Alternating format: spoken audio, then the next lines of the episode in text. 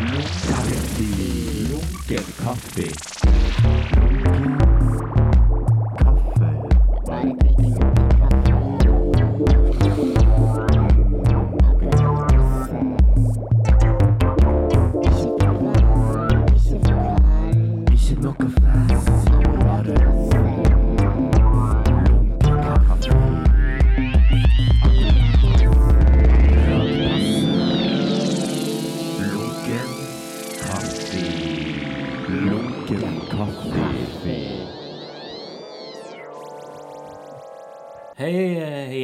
Hallo!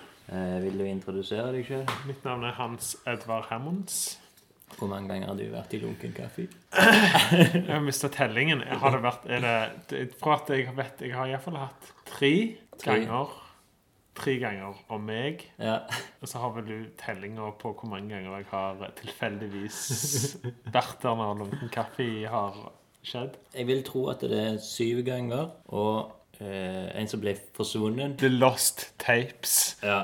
Ja. Som jeg fant igjen for et par måneder siden. Egentlig så er det jo nesten snart tre år siden det var handla om deg. OK. Så i dag så vil jo jeg ha Hva er det egentlig som har skjedd med Hans Edvard Hammonds siden sist? Jeg savner deg, jeg trenger deg, lunken gjensyn. Altså, det var 2016, så holdt vi på i mørkerommet på kunstskolen. Ja, men var det sist? Det var den gangen vi snakket om deg. Og da fikk vi noen til å grine. hun eh, Du bare ler. du, hun eh, Sjefen din Fikk vi sjefen din til å grine av glede? Vel, du. Ja, ikke av sorg, men av glede. Ja, ja. For vi minner jo om eh, unge, unge tider. Ansvarsløse tider. Det var 2016. Ja, Nei, det stemmer det. Det var ikke sjef, men det var en kollega i barnehagen som, som egentlig er sånn der en eh, spesialpedagog. Ja. Så ikke hva det vil si. Men plutselig hadde snubla over denne lunkne kaffen og bare hørt et par episoder og liksom bare kjente på det. Tenk den tiden når jeg var ung og hadde mørkerom å holde på. Så det er derfor Ja. gråt jeg. Gledestår. Men for at vi hadde jo òg en der vi gikk gjennom Jeg lurer på om det var, det var jo 2017 sikkert, når vi gikk gjennom hele kunsthistorien av Stavanger. ja, det var oppe hos eh, Det var når jeg bodde hos eh, Gilka. Geir Egil. Men så var det jo den episoden som vi sikkert snakket i tre timer om det som skjedde i mellomtida. Ja, ja stemmer. Så forsvant. ja, men så vi skal jo, som en cliffhanger da, så kan vi avslutte episoden med å ta tilfeldige klipp fra den Lust-tapen vår, der vi, skal, der vi må kommentere ærlig hva vi egentlig mente. OK. Hva vi egentlig mente. Ja. Eller om vi har forandret mening, eller ja. sånn, vi, vi, vi har sånn maks ett minutt der vi liksom hører, Ja. og så skal vi liksom finne ut hva var det egentlig Hva som skjedde. tenkte, hva Ja. tenkte. For den ble jo tatt opp for ca. et år siden. I ja, januar 2017 Nei, 18, mener jeg. ja. 2018. Nå er vi jo, nå er vi jo egentlig i 2019. Teknisk sett. Teknisk sett er vi i 2018, men 2019 er på mandag. Ja, det var rett. Det er 4. januar uteknisk sett. Uteknisk sett. Ja. ja, OK. Så det er 4. januar i dag. Jeg forstår. Ja, OK. godt nyttår. Takk Ja, for godt nyttår. Ja. 2018. For et år. Ja. Ja. Nå begynner vi med januar. For nå, skal vi gå, nå har jeg funnet en ny twist at vi skal gå gjennom måned for måned av 2018. Oh my god, det er sånn hukommelsestest. Dette er en hukommelsestest, ja. Jeg er sikker på sånn Du har sikkert bedre kontroll over hva jeg har gjort Ja. i 2018 enn jeg har hva jeg har gjort i 2018. Jeg er helt sikker på det. Det tror jeg òg. I januar 2018, da bodde du på Langøy. Ja. Så har du akkurat fått en valp, Ja. Tui. Ja. Um, men husker du noe utenom det? For det var kaldt. Det var, hvordan var den tiden i, på Langøy, da? Det var jo, bodde der i et halvt år.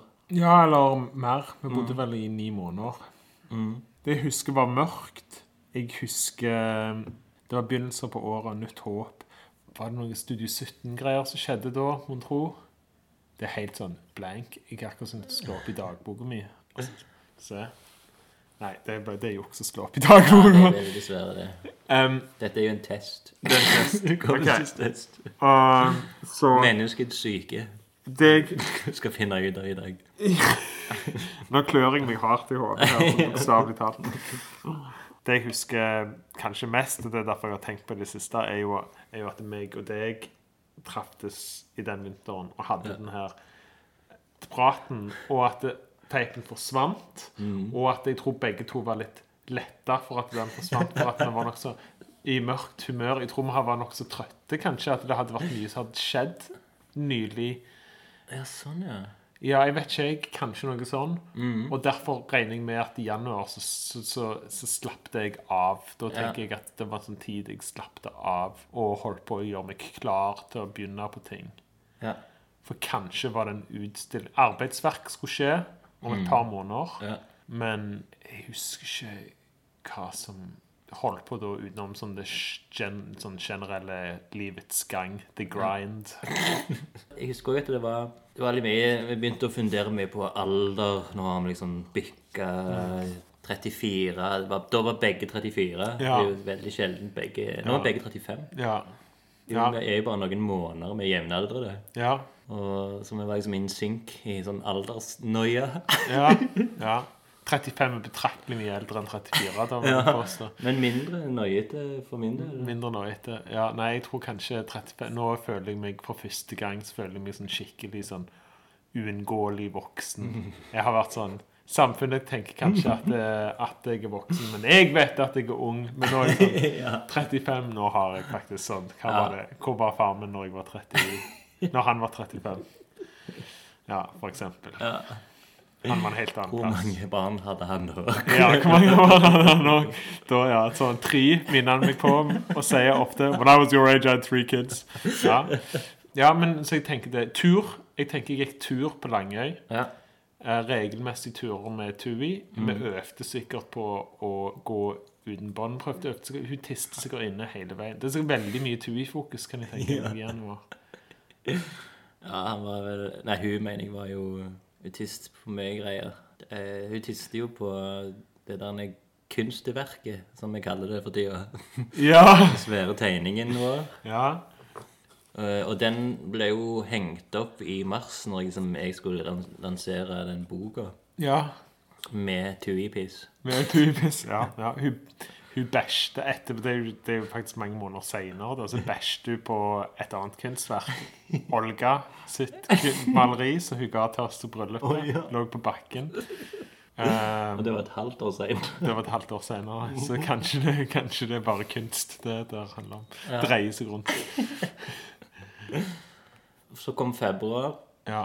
Det eneste jeg husker fra februar personlig, er jo at da, da hadde jeg den boklanseringen. Ja. Jeg tenker dere jobbet vel veldig med arbeidsverk i februar.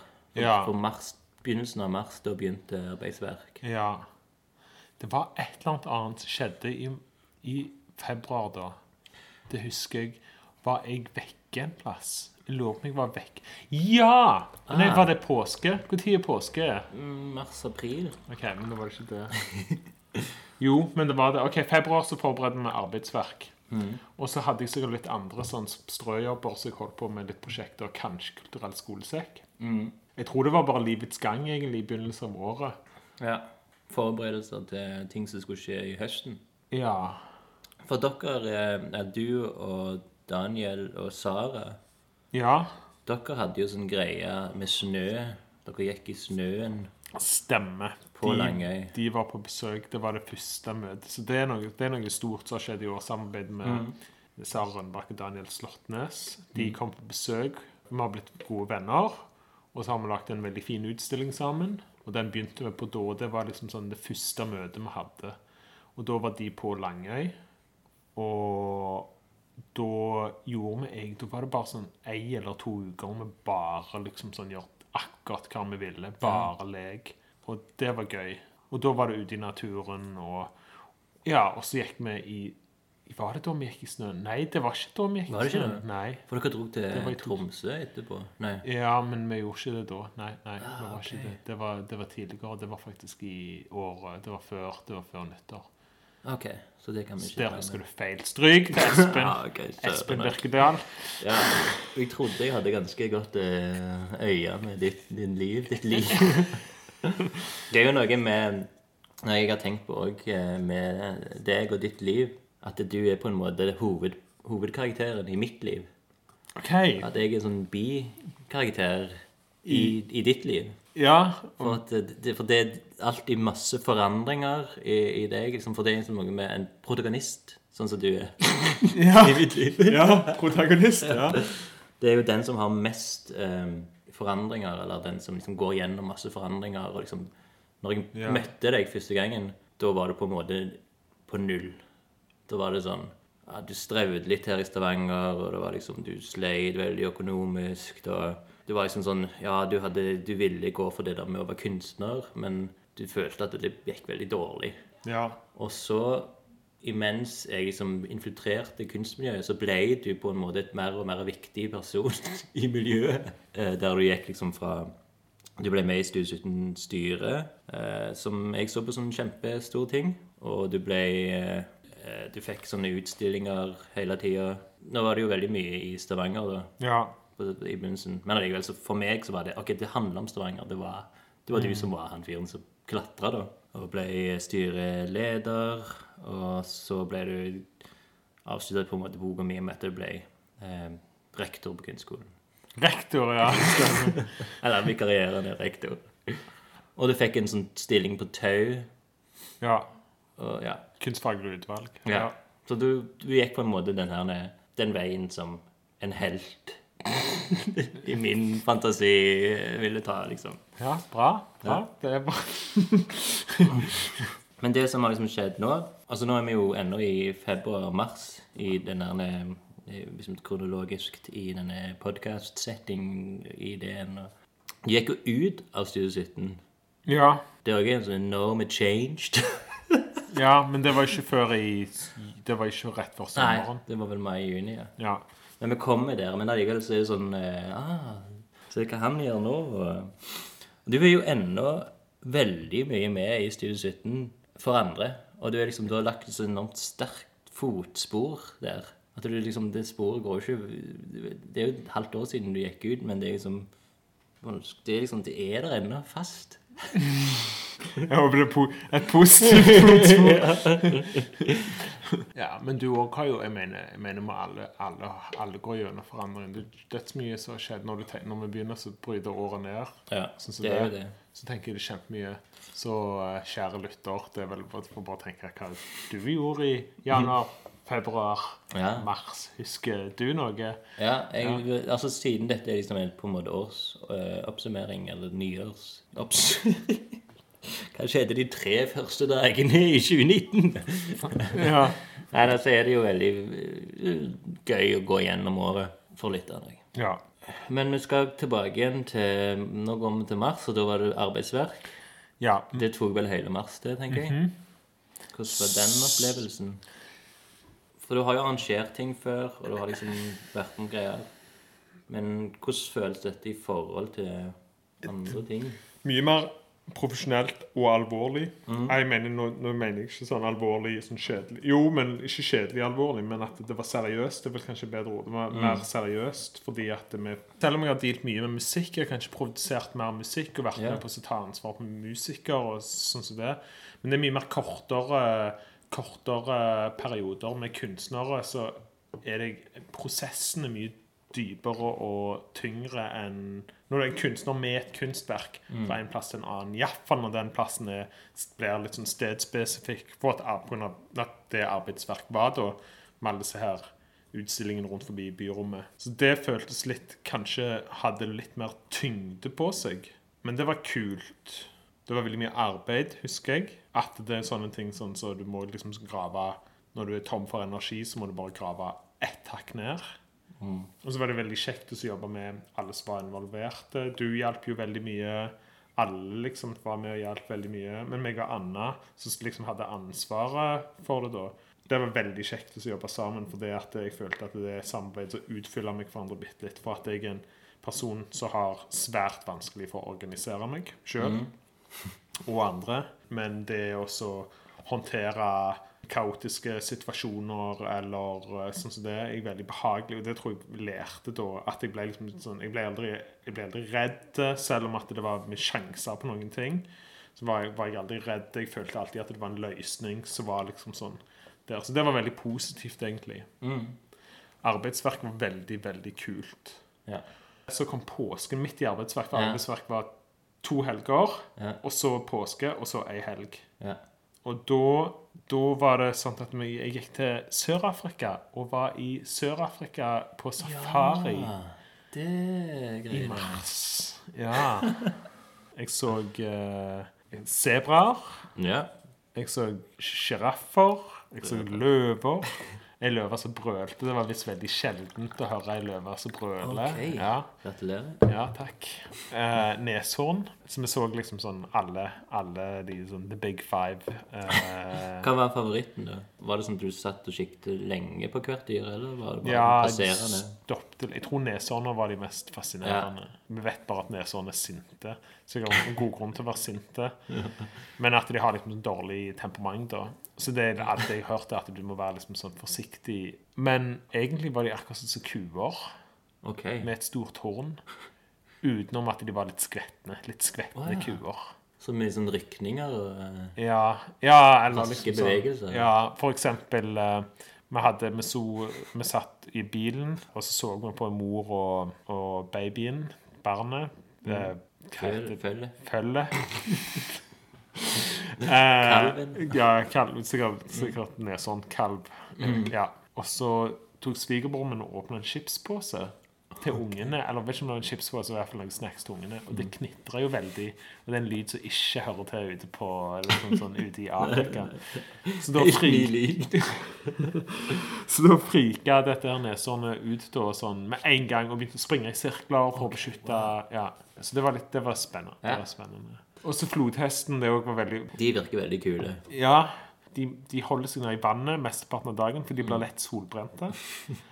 Og, så, og derfor dekker de seg i som det. Og så på tidlig på morgenen og på kvelden så går de ut av vannhullene sine, og så spiser de gress. Men du vet at de har denne store, flate munnene sine. De går bare sånn i linje, så du kan se på en måte Akkurat sånn så, du vet, eh, Når du klipper plenen, og så, får, og så bare klipper du rett fram, så får du et spor. Det var liksom sånn de bare gikk framover, akkurat sånn plenklipper. Så gikk de side på side, så var det sånn to parallelle spor, mens de bare liksom Hungry, hungry hit. Ja, hungry, ja, ja. og så um, Jeg husker jeg var jeg skulle skyte en liten flodhest Så var, når jeg var i Berlin Zoo i 2005 eller noe sånt, da var det jo flodhester. Så, så når jeg kom til flodhesten, så var det liksom akkurat rundt den matingstiden. Og da er det det de mater de da, det er sikkert helt fælt og feil, men de ble jo ville. Det var en haug med sånne, sånne lyse rundstykker. Så- Sikkert fra bakeriet ved siden av, liksom. Ja. Utgått dagen før. Men de ble helt ville. Hvite, kun hvite rundstykker, liksom. Luft-rundstykker. Og da tenkte jeg sånn, det sånn Det er vel det de valgte, da, på menyen. Og de hadde sånn mye sånn liste. Vet ikke, sånn Har dere rundstykker? Hvite rundstykker. Tørre hvite rundstykker. Smør? Nei takk. Jeg har noen venner av meg som gikk og så det i um, Dyreparken. Og da men det, det lærte jeg de, det fikk jeg bekrefta i Afrika, da. At når de driter for å liksom sånn spre lukta si de, Dette har sikkert en eller annen funksjon. Men så spinner de halen akkurat som propell, og så slenger de driten sånn veggimellom eh, Tar de ut driten med halen? Nei, nei, nei, nei, nei, de bare driter, og så ser du for deg at så har de en liten sånn piskehale, og så bare ser du for deg at den bare sånn vifter en, fram og eh, tilbake, og så vifter den driten når den kommer ut. Sånn shit hits the fan. Shit hits the fan, ja. ja. Det så jeg dessverre ikke. Jeg trodde shit hits the fan betydde i mange år for eksempel at eh, et eller annet som kommer ut til fan, altså de som er fan av musikken, eksempel, at når, når endelig fanen får høre musikken, så shit hits the fan. Og det er noe positivt. Ja. Da er det bra. Det er negativt. Det må det være kvalitet. Det er det de tenker på. Good shit. Ja, men safari er spennende. Bra. Det kan du krysse av som en sånn eh, milepæl i 2018. Ja, absolutt. Sør-Afrika fikk sitt litt rundt forbi der, og lært litt om kultur. Og så kom det tilbake igjen. Så var det andre helga med, med arbeidsverk. Eller siste helga med arbeidsverk. Mm. Og så etter arbeidsverk For da har vi kommet i april. Ja. Jeg vet ikke om det begynte da, men ditt prosjekt med Merete Jonevik Ja, det holdt jeg på med da, ja. Ja, men det var bare sånn i forberedelsesstadiet da. Egentlig veldig mye tenking. Men jeg husker òg at det var ved den tida jeg begynte å bli, følte at jeg begynte å bli travel, at jeg begynte å se framover, Ja. at det var mye som skjedde. Det var vel den siste helga i arbeidsverk var vel i april. Mm. Og så etter det så var det sikkert litt sånn downtime. Litt, da tenker jeg meg at jeg skal jobbe litt med utstillinger. Og sikkert litt avslapning. Sikkert arbeid med forskjellige ting. Men òg bryllupet som skulle skje, så det var veldig mye Ja, arbeid visst. med bryllupet. Husker du noe? Hva jeg gjorde? Kjøpte du en bil? Når kom den? Det var Det var året før. Det var, okay. det var, det var ikke Det var sommeren før det. Ah, ok. Ja, men det, var, det er en god historie. Men den trenger vi ikke ta nå. Han passer ikke tematisk inn. Dessverre var det i 2017. Jeg regner med at du fikk vel ikke så mye ekstra 2017-jobb pga. arbeidsverk. Mm. For du hadde liksom overbooka deg sjøl der. Og så tror jeg kanskje det var noe For jeg har jo hatt museum, og jeg ligger jo i Ja. Jeg tror det er sånn at museet er liksom sånn dayjobben min på en måte, med forskjellige ting som jeg gjør på Stavanger kunstmuseum. Akkurat- Formidlingen Ja, formidling. mm. Det òg var jo litt løye hvordan du gikk fra vaktmester til formidler der. Ja, det er vel takket være Helga, Helga Nyman, Ja. som så eh, at jeg hadde kanskje et potensial. For du, mens du gikk rundt med den eh, vaskekluten og spannet og Så brøyt jeg ut i, ut i lange sånn, tirader av kunsthistorisk og veldig følsomme, interessante perspektiver. Mens du greide håret på teppene til eh, Frida Hansen, så Ja, hadde du ja. masse sånne gjemte gloser. Ingen andre visste om. Interessant. Det må vi ansette. Det hadde vært veldig gøy hvis det var historien. ja. Ja. Nei, det er en helt annen sannhet. Skal jeg skrive en om. For det skjer jo imellom her. eh, Og du, sånn som den der fotogreiene dine med kulturelle skolesekken, det skjer hele tida. Ja. Det blir liksom main incomen. ja. Ja, jeg må ha hatt kulturell skolesekk på våren. da. Jeg må ha gjort en del kulturell skolesekk. Ja. Helt garantert. Mm. Så det var sikkert det jeg holdt på med. Det har vært mye kulturell skolesekk i år, altså. Jeez Ja. Louise. Men òg så kjente jeg på den tida at jeg er nødt Jeg må kutte litt. Jeg må, jeg må fokus, Det føler jeg ennå, egentlig. At jeg, jeg er fra jeg, At jeg er, er 2018 har vært veldig mye en prosess da, for oss å som handler litt om hvordan jeg skal bruke tid og energi, og at det, eller merke mer, mer og mer hvordan det er en begrensa ressurs. Er- er Oppmerksomhet og energi har man kun så mye av. Eh, og at det, man, må, man må vie det til noe som er bra. Og da var det at eh, jeg spurte Maiken om jeg kunne gå ned til Maiken Stene, om jeg kunne gå ned til velferden og jobbe på velferden, for jeg trengte liksom ro- For det er veldig stor plass der, og jeg trengte, jeg trengte liksom sånn eh, arbeidsrom. Og da gikk jeg ned og så begynte å jobbe på den der skulpturen. Så var Ja. kanskje det en av hovedkunstverkene jeg lagde i år, da, I fjor. i fjor. Ja, 2018. Altså, 2018.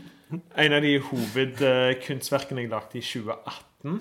Ja. Ja. Men så var det jo bryllupet òg, og jeg husker at det var greit mye som skulle skje. Og så kom bryllupet, og så ville jeg fokusere på kunsten min. Og så det var vel da jeg skrev at eh, jeg på Studio 17 si Facebook For at Studio 17 eh, drives eksklusivt eh, på Facebook. Så, eh, så vi har en kanal der der det er Der vi skriver alle de viktige tinga. Og så liker vi. Eh, Hvis vi er enige. hvis vi er enige. Eller vi har lest det. Eh, og så Ja. Og så skrev jeg vel at jeg ikke hadde kapasitet til å fortsette med Studie 17. Iallfall ikke i den grad jeg har vært i da. Ja. Det skjedde da. For da var det liksom, da skulle jeg satse mer, gi meg sjøl mer tid til min egen kunst. Og dette husker jeg jo kom som en kalddusj på meg. Der jeg var Fortell, Espen. Få det ut. Ærlig. Ærlig. Jeg måtte, jeg måtte gå en lang tur og bare tenke over alt. Hva nå, tenkte jeg. Hva nå? Nei da, men ja. Ja, nei, det kommer jo som en kald dusj. Det gjorde det? Det gjorde det. Det var liksom Det var ingen sånn forvarsel. Å ja, jeg trodde at det var veldig sånn Jeg òg følte at det, jeg følte at det, jeg hadde vært sånn Det kan være at du impliserte et eller annet som jeg bare fyrte forbi. Og det var Nei, nei, nei. Ja. For det er jo noe med Mens jeg har vært med i styret, så har jo du alltid vært den her personen som enten ringer Ja, går det bra? etter styremøter og sånn. Jeg, kan liksom ha ganske gode, viktige, bra minner om at vi kjører rundt sammen og liksom bare snakker Ja, hvordan føler du om Studio 17 nå? Og bla, bla, bla. Så, så må jeg liksom bare si hva jeg tenker og sånn som det. Og så er du kanskje litt enig og bla, bla. Men det, de var så viktige for meg, de, de kjøreturene og liksom de her små Eller når du ringer av og til. Altså, akkurat nå er det jo ingen Jeg er jo ikke den personen. Jeg bare har et, er med på styremøte. Er styreleder nå, da. By the way. Men jeg er jo ikke sånn menneskeperson, så jeg er jo ikke sånn som ringer rundt. Som er egentlig veldig viktig. Så det, det må man kanskje prøve å, å, å få inn igjen, kommer jeg på nå. At vi bør prøve liksom å holde alle medlemmene, liksom finne ut hvordan har du det, og bla, bla. Ja. Så isteden så bare eh, kjørte jeg på og, og, og bare var helt jævlig med alle.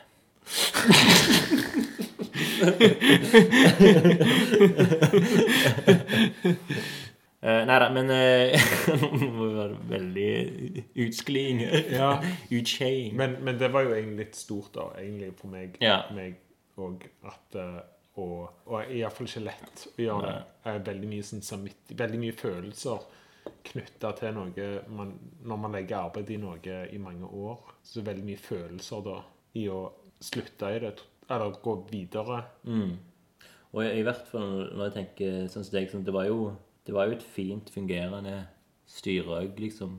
Som er jo kanskje Ja. Det er jo på en måte bra å gå fra, men så det liksom, hadde du på en måte en slags fisk trygghet der. Du var jo Du Ja. likte jo folk som var med i styret. Ja, altså, ja. det var jo ingen Det- dårlig blod der, liksom. Nei, nei. nei jeg tenker meg det kan være veldig vanskelig å gå ut ifra. Ut, vekk fra meg. Ja, men det er så mye Men, ja, men jeg tror det var det jeg kanskje følte at når det var sånn now or never, eller ikke now or never, men at nå var det vel god tid. Jeg, jeg vet bare at i hindsight, bare for å si det sånn, hoppa fram til 2019, det året vi er i akkurat nå, Yeah. eh, så er jeg veldig glad for at jeg gjorde det. Yeah. For at det hadde ikke gått psykisk, så hadde det ikke gått og med Studio 17 som et ekstra ansvar for at det er Må bare si det til alle kjære lyttere her ute, at det er veldig mye arbeid. Altså, for dere som ikke driver et visningsroms for kunst, det er veldig mye arbeid konstant.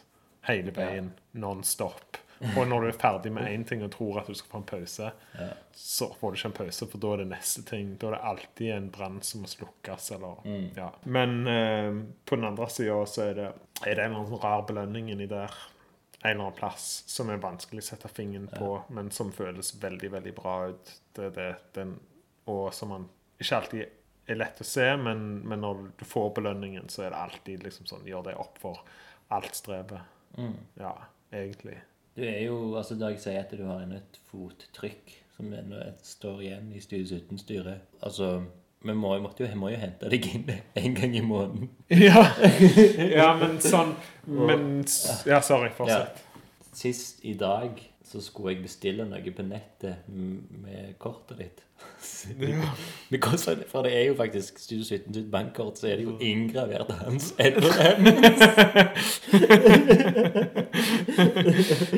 Og liksom alle fakturaene står som folk ser. Ja, og hvis noe fryktelig skjer, så er det faktisk sånn offisielt jeg som har ansvar for Mm. det, vel, egentlig ennå. Ja. Ja, da, men jeg akkurat i dag fikk jeg melding fra Altinn ja. at nå kan jeg bruke Altinn. Ja, gratulerer! Nå, egentlig er jeg offisielt nå styreleder. Ja, styreleder Espen Finjo Birkedal. Ja. Helt rett. Vi måtte skrive på en sånn rapport i dag at jeg har vært fungerende styreleder i fem måneder. OK. Og liksom nå er jeg offisielt fra og med desember. Eller I dag 4. 4. januar. Ja, men desember da ble jeg Ja, ja, offisielt, egentlig. ja. Eh, men eh, da ble du ute av Studio 17, og så gifta du deg på ny. Ja. Det var i juni. Ja. Det var i juni.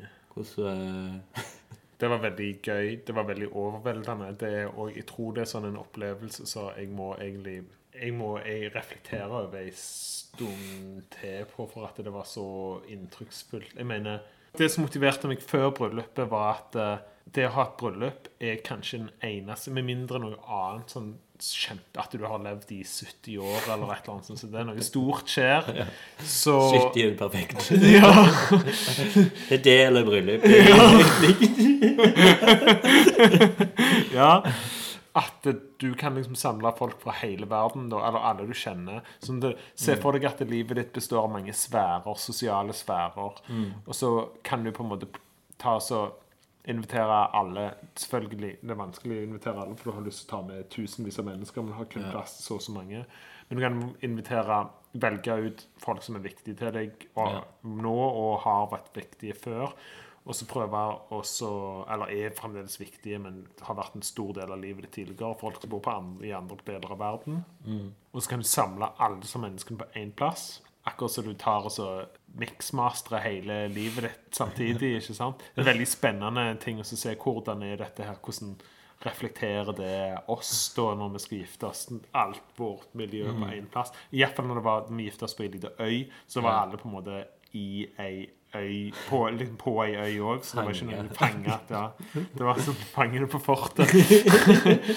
Uten dverger. Ja, uten dverger.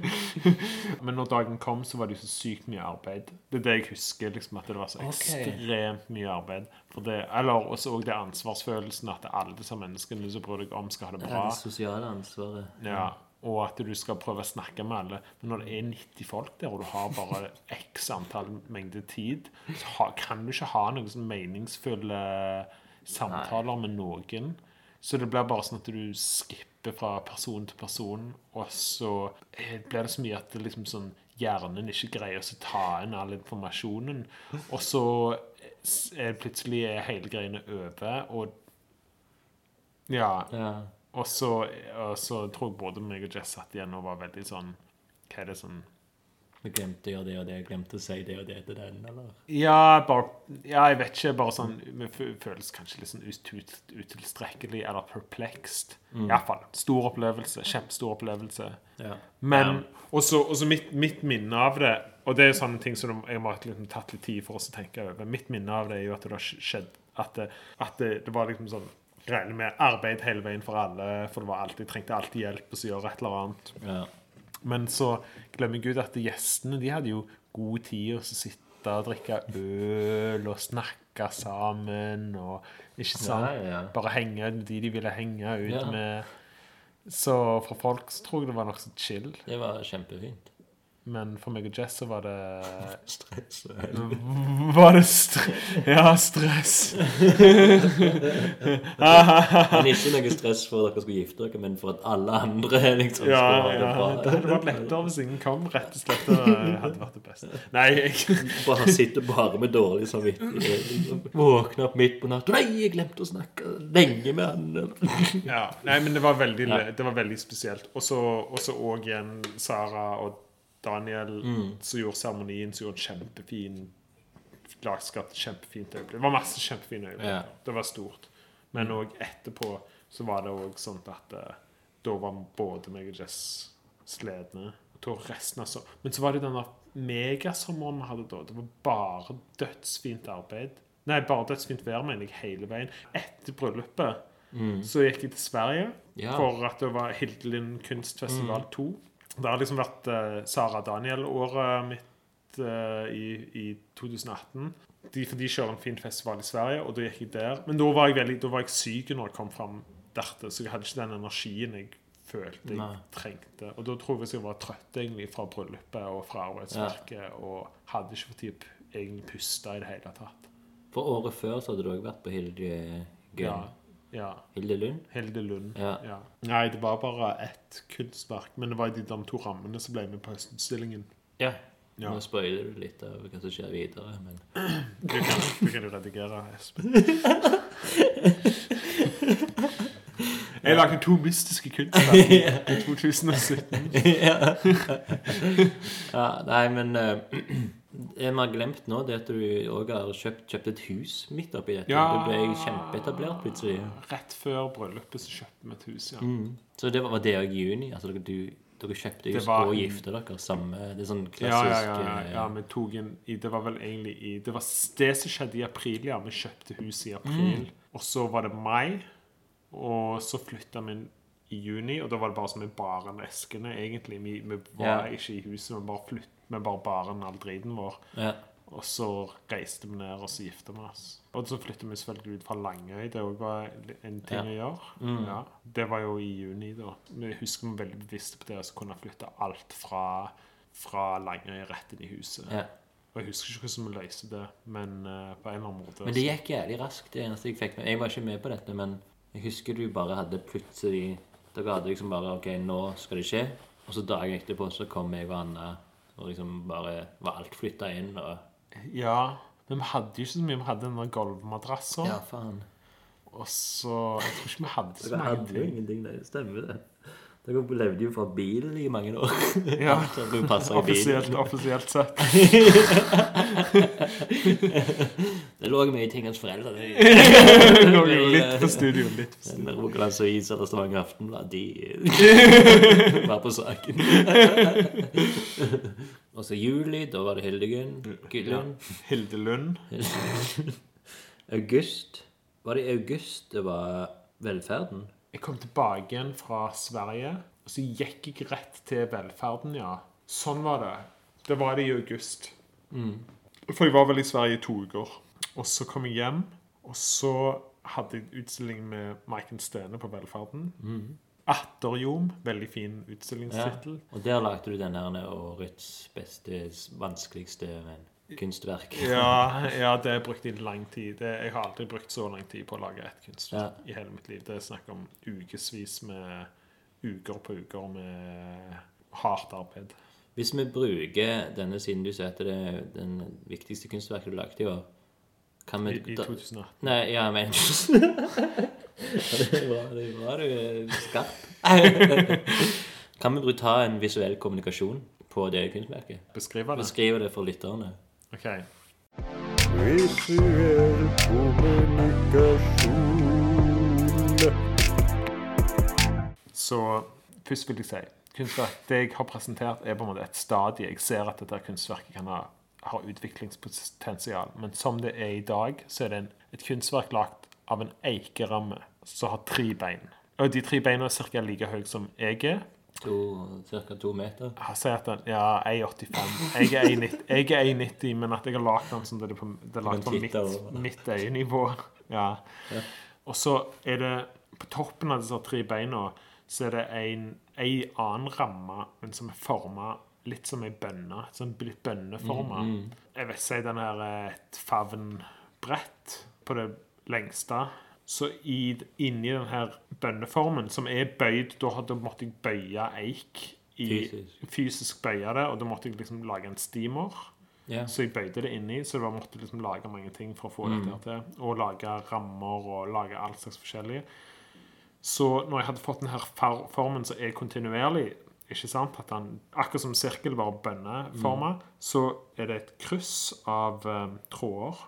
Tynne, gule og litt rosa tråder. Trådene, hva de er lagd av eh, Egentlig er det fiskescen, men det er sånn fire, det er egentlig heter firewire. Så hvis, hvis du ser på fiskere som fisker nå til dags, så bruker de ikke alltid sen, for den her har mye bed, glir mye bedre enn sen. Okay. Men også er den veldig mye tynnere, men så har de sånn sterk sånn neonfarger.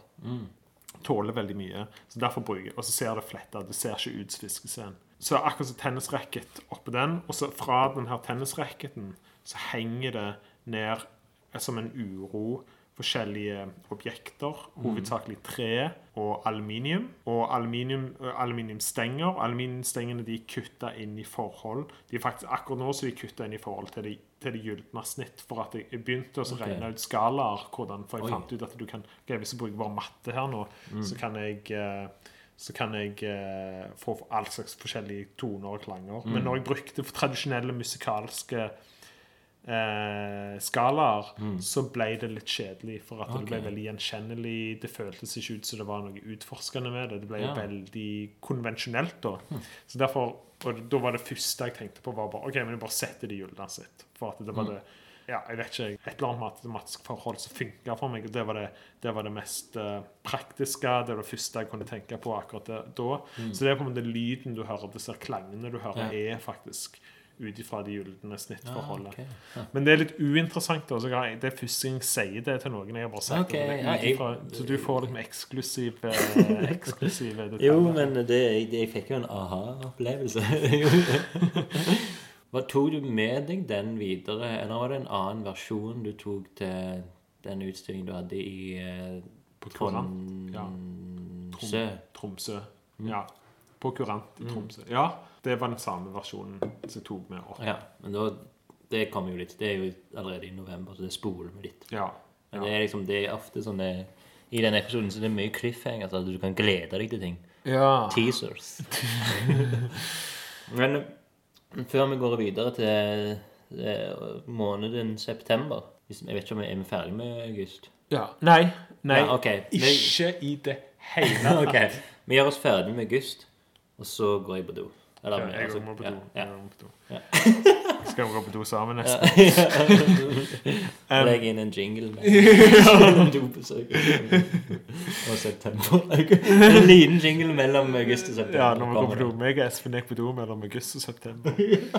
For det som skjedde da, var at jeg kom tilbake igjen fra Hildelund, og så skulle vi ha utstilling med, med, med Maiken Stene. Men rett før utstillingen så var det òg denne høstutstillingen som skulle skje, for da skulle jeg opp. Jeg hadde blitt antatt Ja, høstutstillingen. Og så skulle jeg ha andre juryering. Ja. Så da var det sånn, jeg var, hadde ikke kommet med, men så måtte jeg, og så var det bare én dato jeg kunne gjøre det på, for at det, siden mitt var utendørs, måtte jeg få all slags sånn spesialbehandling fra, fra høstutstillingen. Jeg måtte gjøre ferd, så godt jeg kunne gjøre ferdig det kunstverket, og så måtte jeg reise til Oslo, og så måtte jeg, eh, måtte jeg fullføre det. Eh, og ja, så måtte jeg sette det opp, Sette opp, sette, opp og det var, det, jeg, det var, det var for vinden i trærne, det kunstverket der. Og så måtte jeg ta det ned igjen, hvis jeg kom med. Ja. eller uansett måtte jeg ta Ja, ja. det igjen. Og så, da var det jævlig intenst, for da hadde jeg begge tingene skulle skje, og begge to tingene var det sånn sykt mye orging rundt. Ja. Da var jeg stressa. Da husker jeg at den helga der så var jeg stressa, for da var det en Åh, Nå vet jeg ikke om jeg skal si dette her. det Nei, det kan være en cliffhanger, kanskje. Nei, Det det, ja, kanskje det, kanskje det var en cliffhanger til etter dobesøket. Eller skal du ikke si det? Jo, men Cliffhangeren er om du kommer til å si det. eller? Cliffhangeren er om jeg kommer til å si det. Ja, jeg kan jo bare si det, egentlig. Ja. Være helt uh, transparent. For det, er noe, det er ikke noe skammelig eller noe feil. Men jeg var, midt, jeg var superstressa. Og så kom det en sjaman fra Brasil til Norge, og akkurat den helga der Ja. så var det en ayahuasca-seremoni her som skjedde her i Norge. Ja. Og da var det, og jeg hadde blitt invitert til ble jeg med på den. ja. Og så var jeg midt oppi, og det er jo for dere som Mens du bygde denne. Ja, no, den, alt, var egentlig, alt var egentlig ferdig på en måte, men at alt måtte Eller alt var ferdig, men alt måtte liksom settes sammen. da. Det var det eneste, det var det siste, at alt skulle bare settes sammen. Men det var så mye som skulle skje samtidig. Og så var jeg så trøtt, for jeg hadde jobbet så jævlig hardt. Ja. Og så hadde jeg vært syk fra Hildelund. Hadde nettopp kjørt Sverige, kjørt hjem igjen. Ikke følt meg 100% Kom tilbake igjen. Skammelig arbeid. Fremdeles ikke 100 Og så var det sånn OK, skal jeg drite i å reise på den her ayahuasca-seremonien? Eller skal jeg ta, ta liksom sånn Ta og jobbe denne helga og sånn, og så komme for, foran på alt? Men så følte jeg meg så drit at jeg var sånn jeg vet ikke hva, Hvis jeg sitter hjemme og jobber, så kommer jeg til bare fortsette å føle meg like drit. Ja. Men hvis jeg går på denne seremonien, så får jeg iallfall et avbrekk. Så valgte jeg å faktisk ta den seremonien, og det husker jeg var et veldig Akkurat da føltes det veldig sånn kontroversielt valg inni min egen hjerne. Det er sånn personlig kontroversielt, helt stille, i det alene. I demonene dine. Ja, ja, meg og demonene. Så da gjorde jeg det. Da to, gjorde jeg den seremonien den helga. Og det husker jeg faktisk var det beste valget jeg hadde gjort. Det var en medisin. Da fikk jeg medisin, og da var jeg kjempe Da var jeg sånn Da følte jeg meg kjempebra etterpå. Det var det lureste jeg har gjort i Ja. 2018. Ja, akkurat i den, så tatt betraktning at det var Det kunne jo ha gått andre veien. Ja. Men ja, du må tisse. Jeg ser på Esp Espen ser ut som han må tisse Jeg kan ikke dødsmye. Lunken kaffe. Ja, da er vi tilbake etter en kort jingle og litt urinering. Ja, fint. Så, vi er i august, men du sa under urineringen Jeg gikk i tur og orden Ja. på do. Men det var en ting i mars du har glemt å sagt. Ja, eh, I mars så var jeg med på Occupy Citizenship. Så et kjempekult prosjekt som skjer på Stavanger kunsthall. Jeg ble invitert av Kristina Kitola Bore til å være med på, en, eh, på et prosjekt. Og det er med ungdommer fra sånn Sola og litt sånn omheng rundt forbi. Spesielt for de eh, og for ungdommer.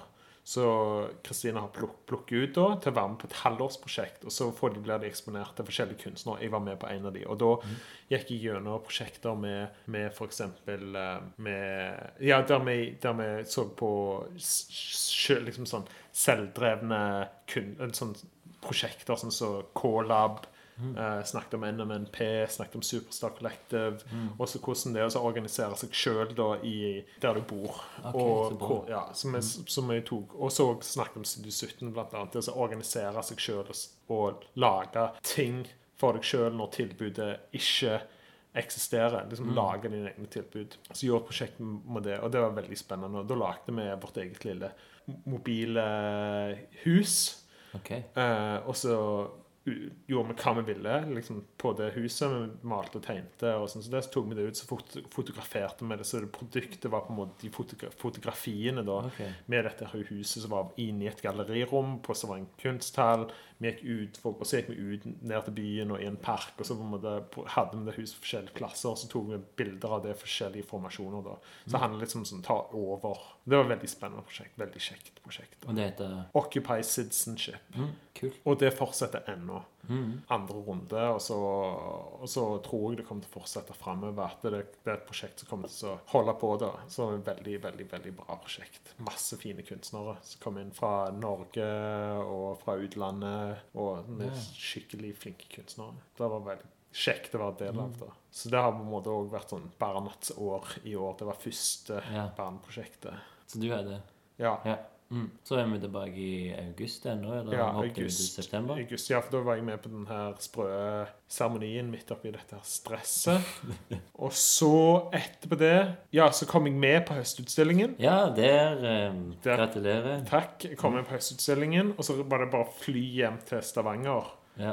Og kjøre ned til, eh, til Sokndal, til Velferden, og så ha utstilling med Ja. Og det var en veldig fin utstilling. Fikk masse besøkende på, på Velferden. Og så hadde jo Maiken sine malerier òg. Ja. Og så, etter det, så gjorde jeg samarbeid mellom små og store vesener med Merete Jonvik. Ja. Jeg husker ikke hvilken måned det var i, om det var i august eller om det var i september. Jeg tror det, kanskje det var i september. Ja. Og det var en måned egentlig vi holdt på okay, med det. Ja. Da var det en utplukt eh, skole med Hva alder var det? Det var tredje klasse. Tredjeklassinger? Ja, ja. på en Mm. skole i Stavanger. Som er ti år? Nei, Ja?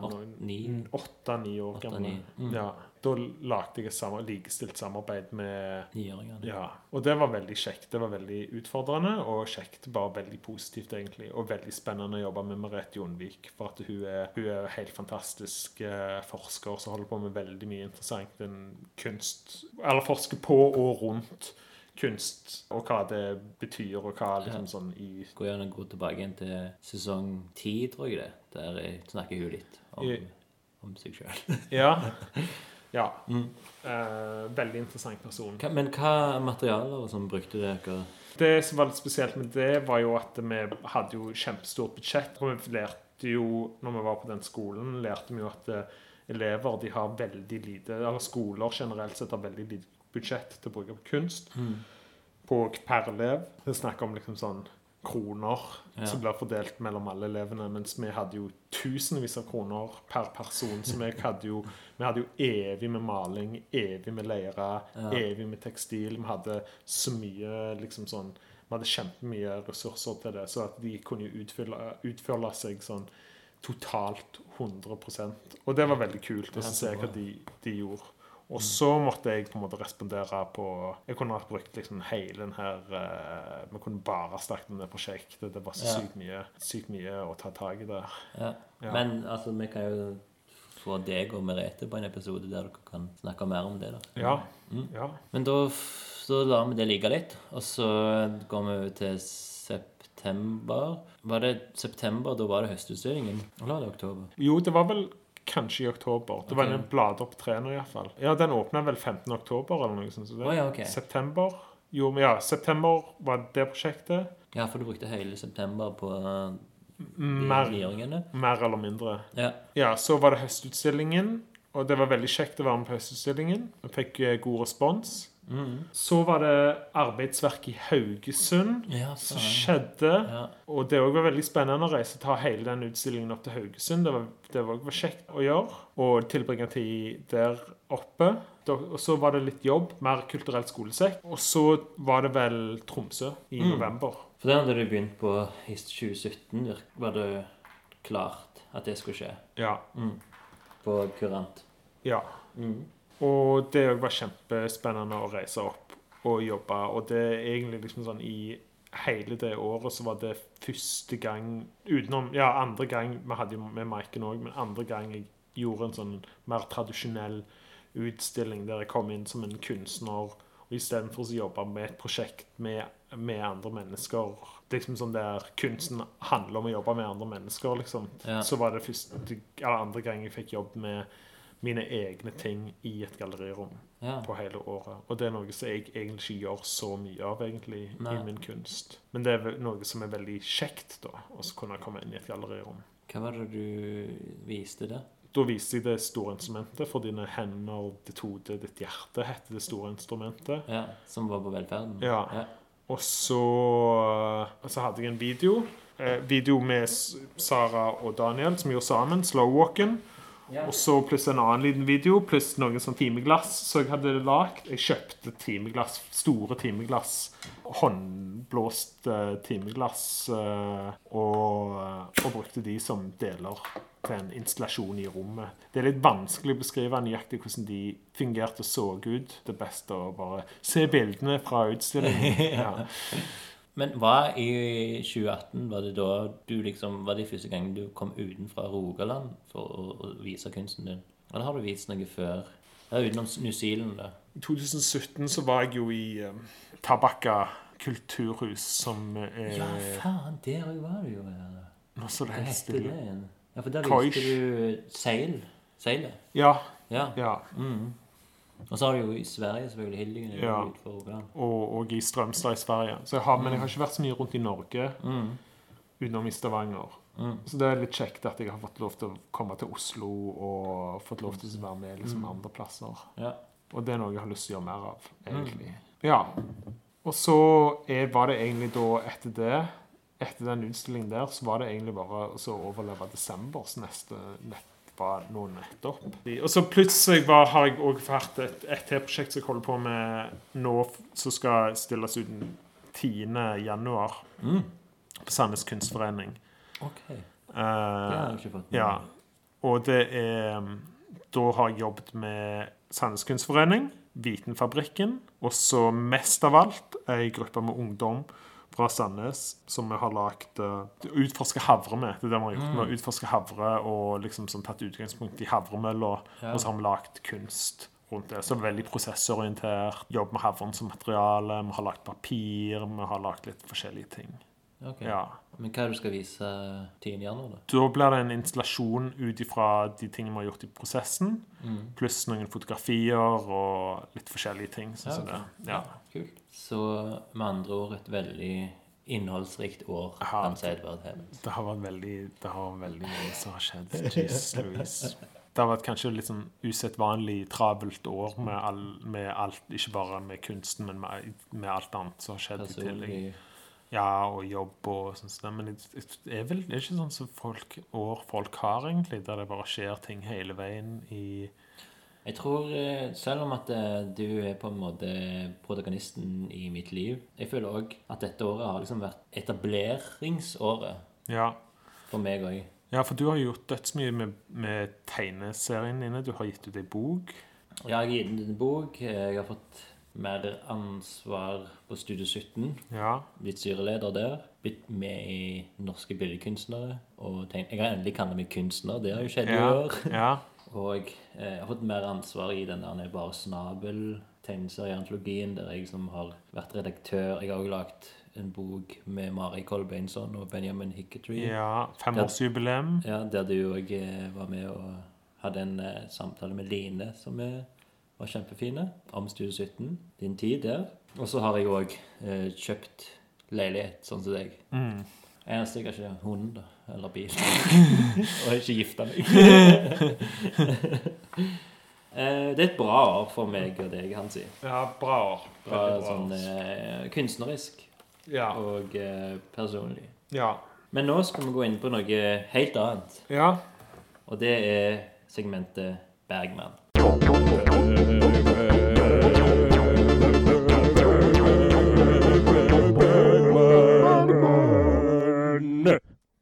De siste to eh, sesongene så har jo jeg Eller så har jeg begynt et ny, ny segment i Bergman-segmentet, som er eh, Ingvar Bergman ATØ-boken, som er liksom hovedingrediensen, da.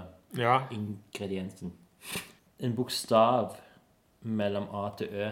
Har du en favorittbokstav? Er det noe du har tenkt deg fram til i år? Kanskje det er for Espen, da?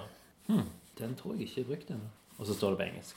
Noe så det, det er kanskje ditt Ja. andre første språk. Det har vi ennå ikke funnet ut.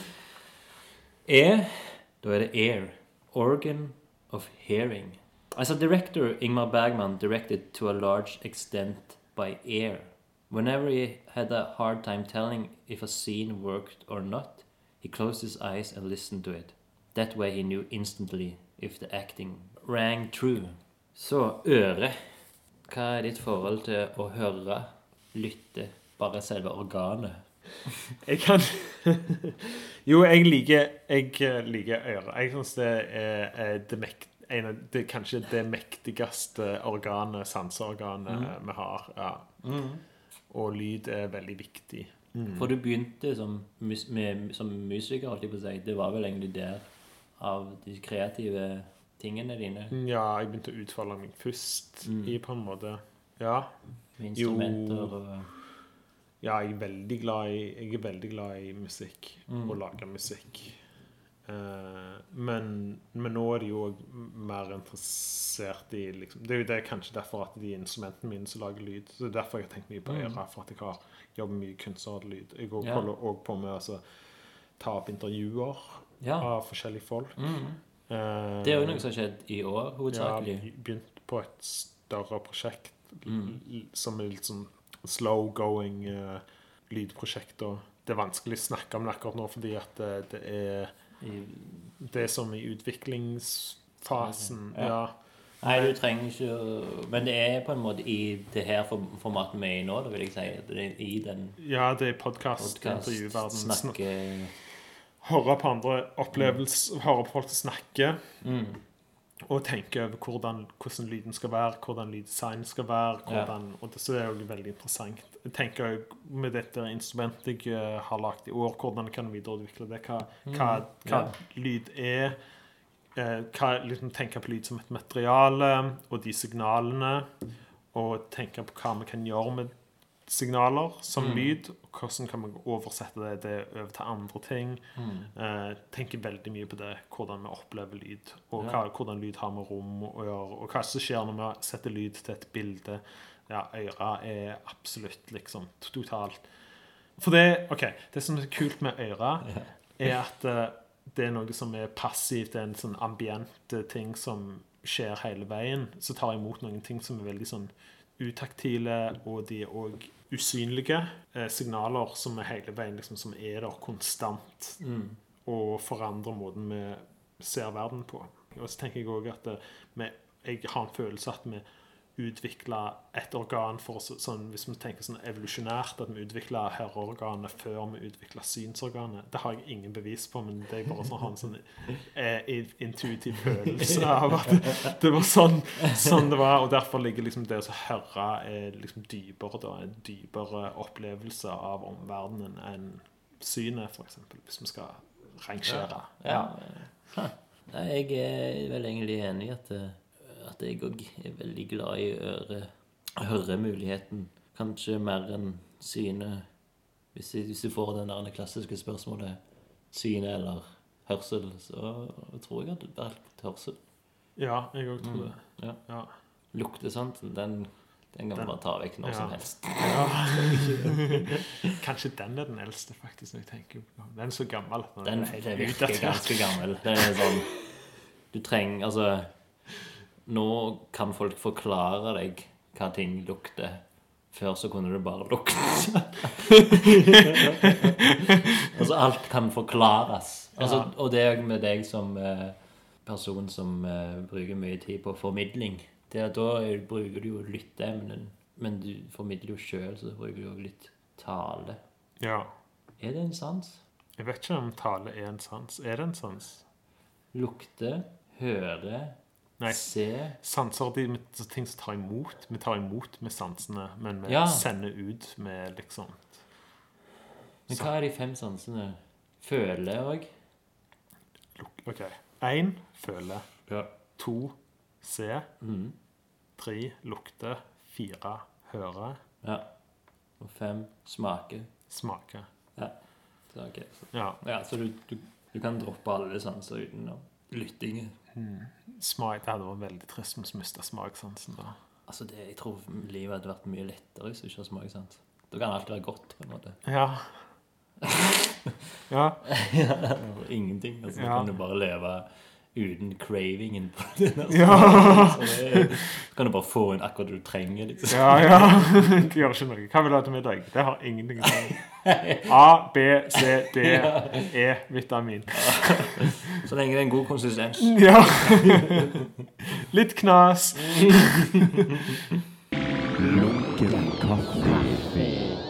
Men før vi avslutter, Hansi, så skal vi, skal vi jo gi lytterne det de vil ha. Ja.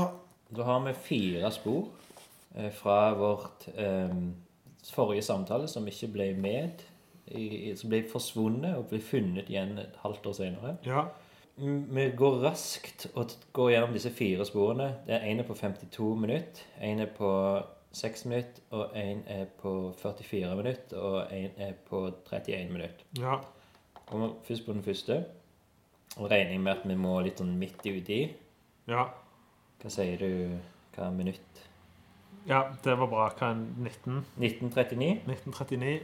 Okay. Det var da andre verdenskrig eh, begynte. Ok, da får vi høre ett minutt her. Om noen skulle lage en,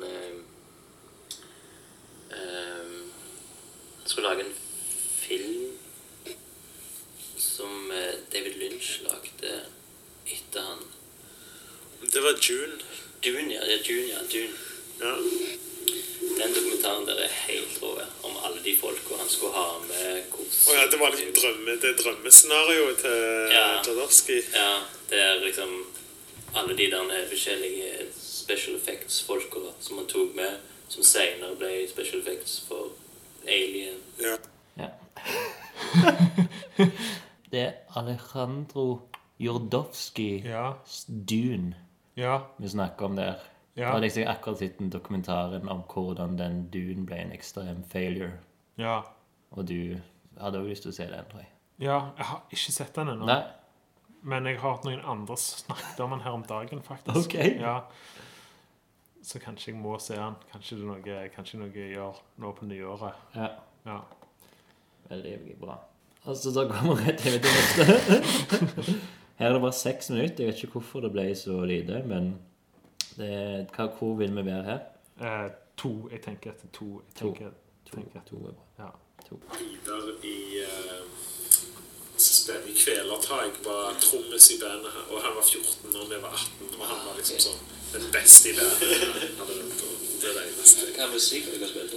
Du spilte cover og sånn Ji- Jimi Hendrix-cover Ah, okay. og Chris Isaacs-cover. Vi spilte inn bare den ville, bare kunne.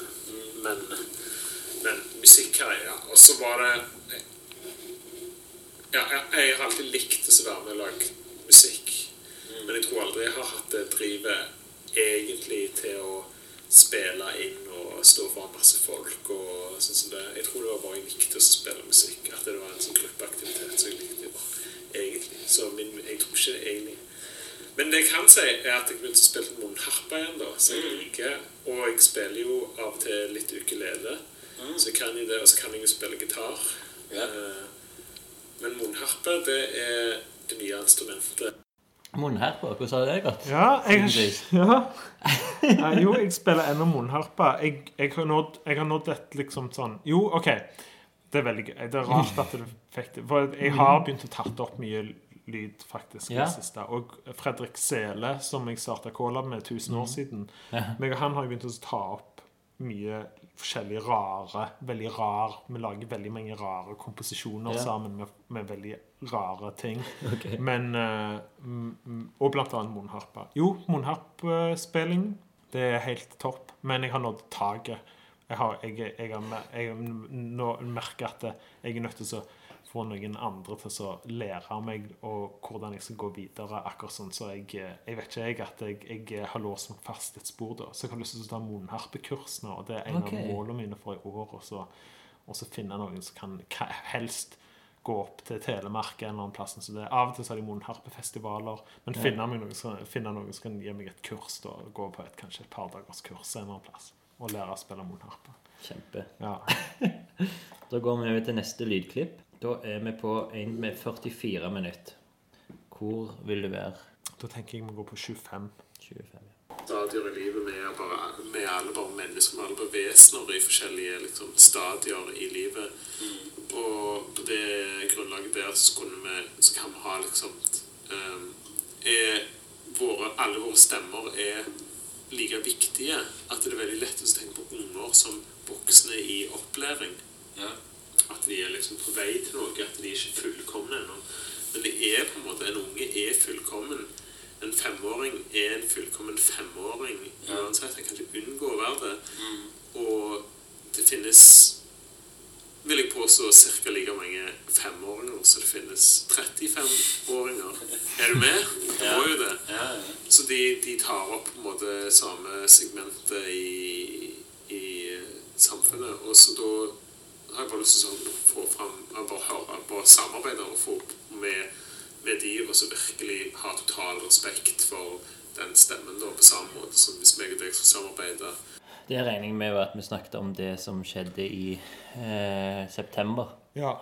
Det om å jobbe likestilt med barn. ja.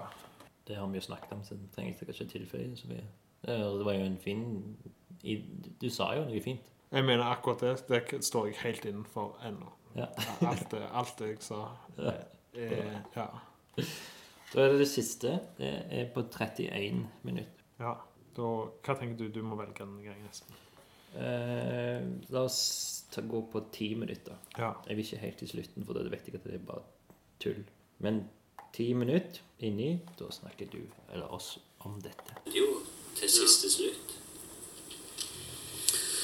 Det er jo det samme. Du har jo dødsmange Jeg mener kanskje alderdom liksom sånn, Kanskje det er jo akkurat det med at man er bare konstant i forskjellige stadier i livet sitt, og hvert et stadie kommer med nye prioriteter og innsikter og liksom sånn Etter hvert Du gjør jo ting alltid konstant for siste gang, ikke sant? Og ting Ja, jeg tror bare ting prioritetene forandrer seg etter hvert. Nå har jeg gjort ting så, så jeg føler det med f.eks. fest. La oss snakke om alderdom og fest.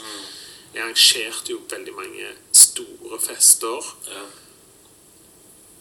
Og gikk på veldig mye fester. Men på et eller annet tidspunkt så begynte det å bli mer og mer uinteressant. Akkurat så jeg ble liksom sånn Jeg hadde mista behov for det fordi at jeg hadde Det kom til et eller annet tidspunkt der festene for meg ble Det ble det samme Fest.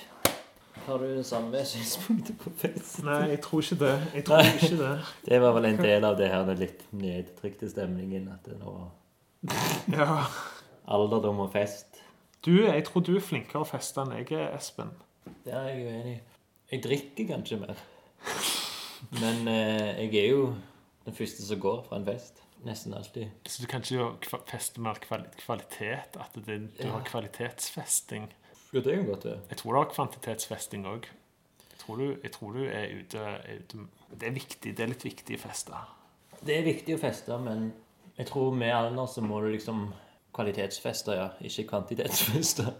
Ja, for det har litt med bakrusen å gjøre, kanskje. Ja, for det er jo det jeg lærte eh, rundt eh, når jeg ble 32-33. At det er med en gang jeg bikker klokka blir tolv, og jeg har drukket siden mellom seks og åtte, så er jeg helt vekke. Og liksom min beste er liksom etter fire øl. Da er jeg på topp. Ja. Og da er alt annet og alle sansene også på topp på en måte med at jeg liksom gleden tar imot alt. Liksom mest eh, fungerende i en samtale. Altså, og jeg er jo en sånn person som At jeg, jeg vil heller ha samtaler og få ut av hva du får ut av en annet menneske i en festsituasjon enn din egen kropp og dans og musikk og sånn. Er min tanke om det, da. Og, og når jeg Hvis du mener at jeg fester mer enn deg, så er det nok bare at jeg drikker oftere enn deg. Og det er jo derfor jeg Det er jo sånn jeg takler andre mennesker best. Ja, ja.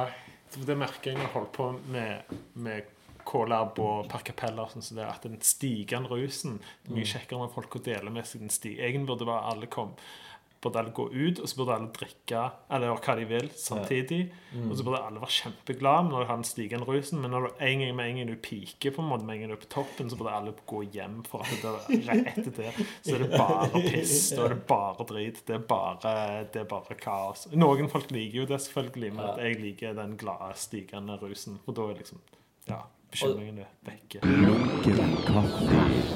Eh, Jeg ser du fryser og skjelver og har det vondt, så kanskje vi skal bare gjøre oss ferdig med episoden. Ja. Og så må jeg bare si tusen hjertelig takk, Hansi, at du har fortalt meg så ærlig og fint, transparent om ditt 2018. Vær så god. Takk for at jeg fikk lov å komme tilbake igjen. Espen? Fikk ikke hørt så mye om deg denne gangen. Jeg følte det var veldig jeg Ja, det handler om deg, dette. Ja, Så det, husk at du er hovedpersonen i mitt liv. Takk, Espen. Takk. takk. Jeg er veldig æ- og takk for alle de fine tingene du sa om meg. Jeg føler at jeg, jeg, du, jeg snakker, du snakker bedre om meg enn jeg tenker om meg, så det er veldig fint å høre. Ja. Og godt nyttår. Godt nyttår, alle sammen. Kaffe.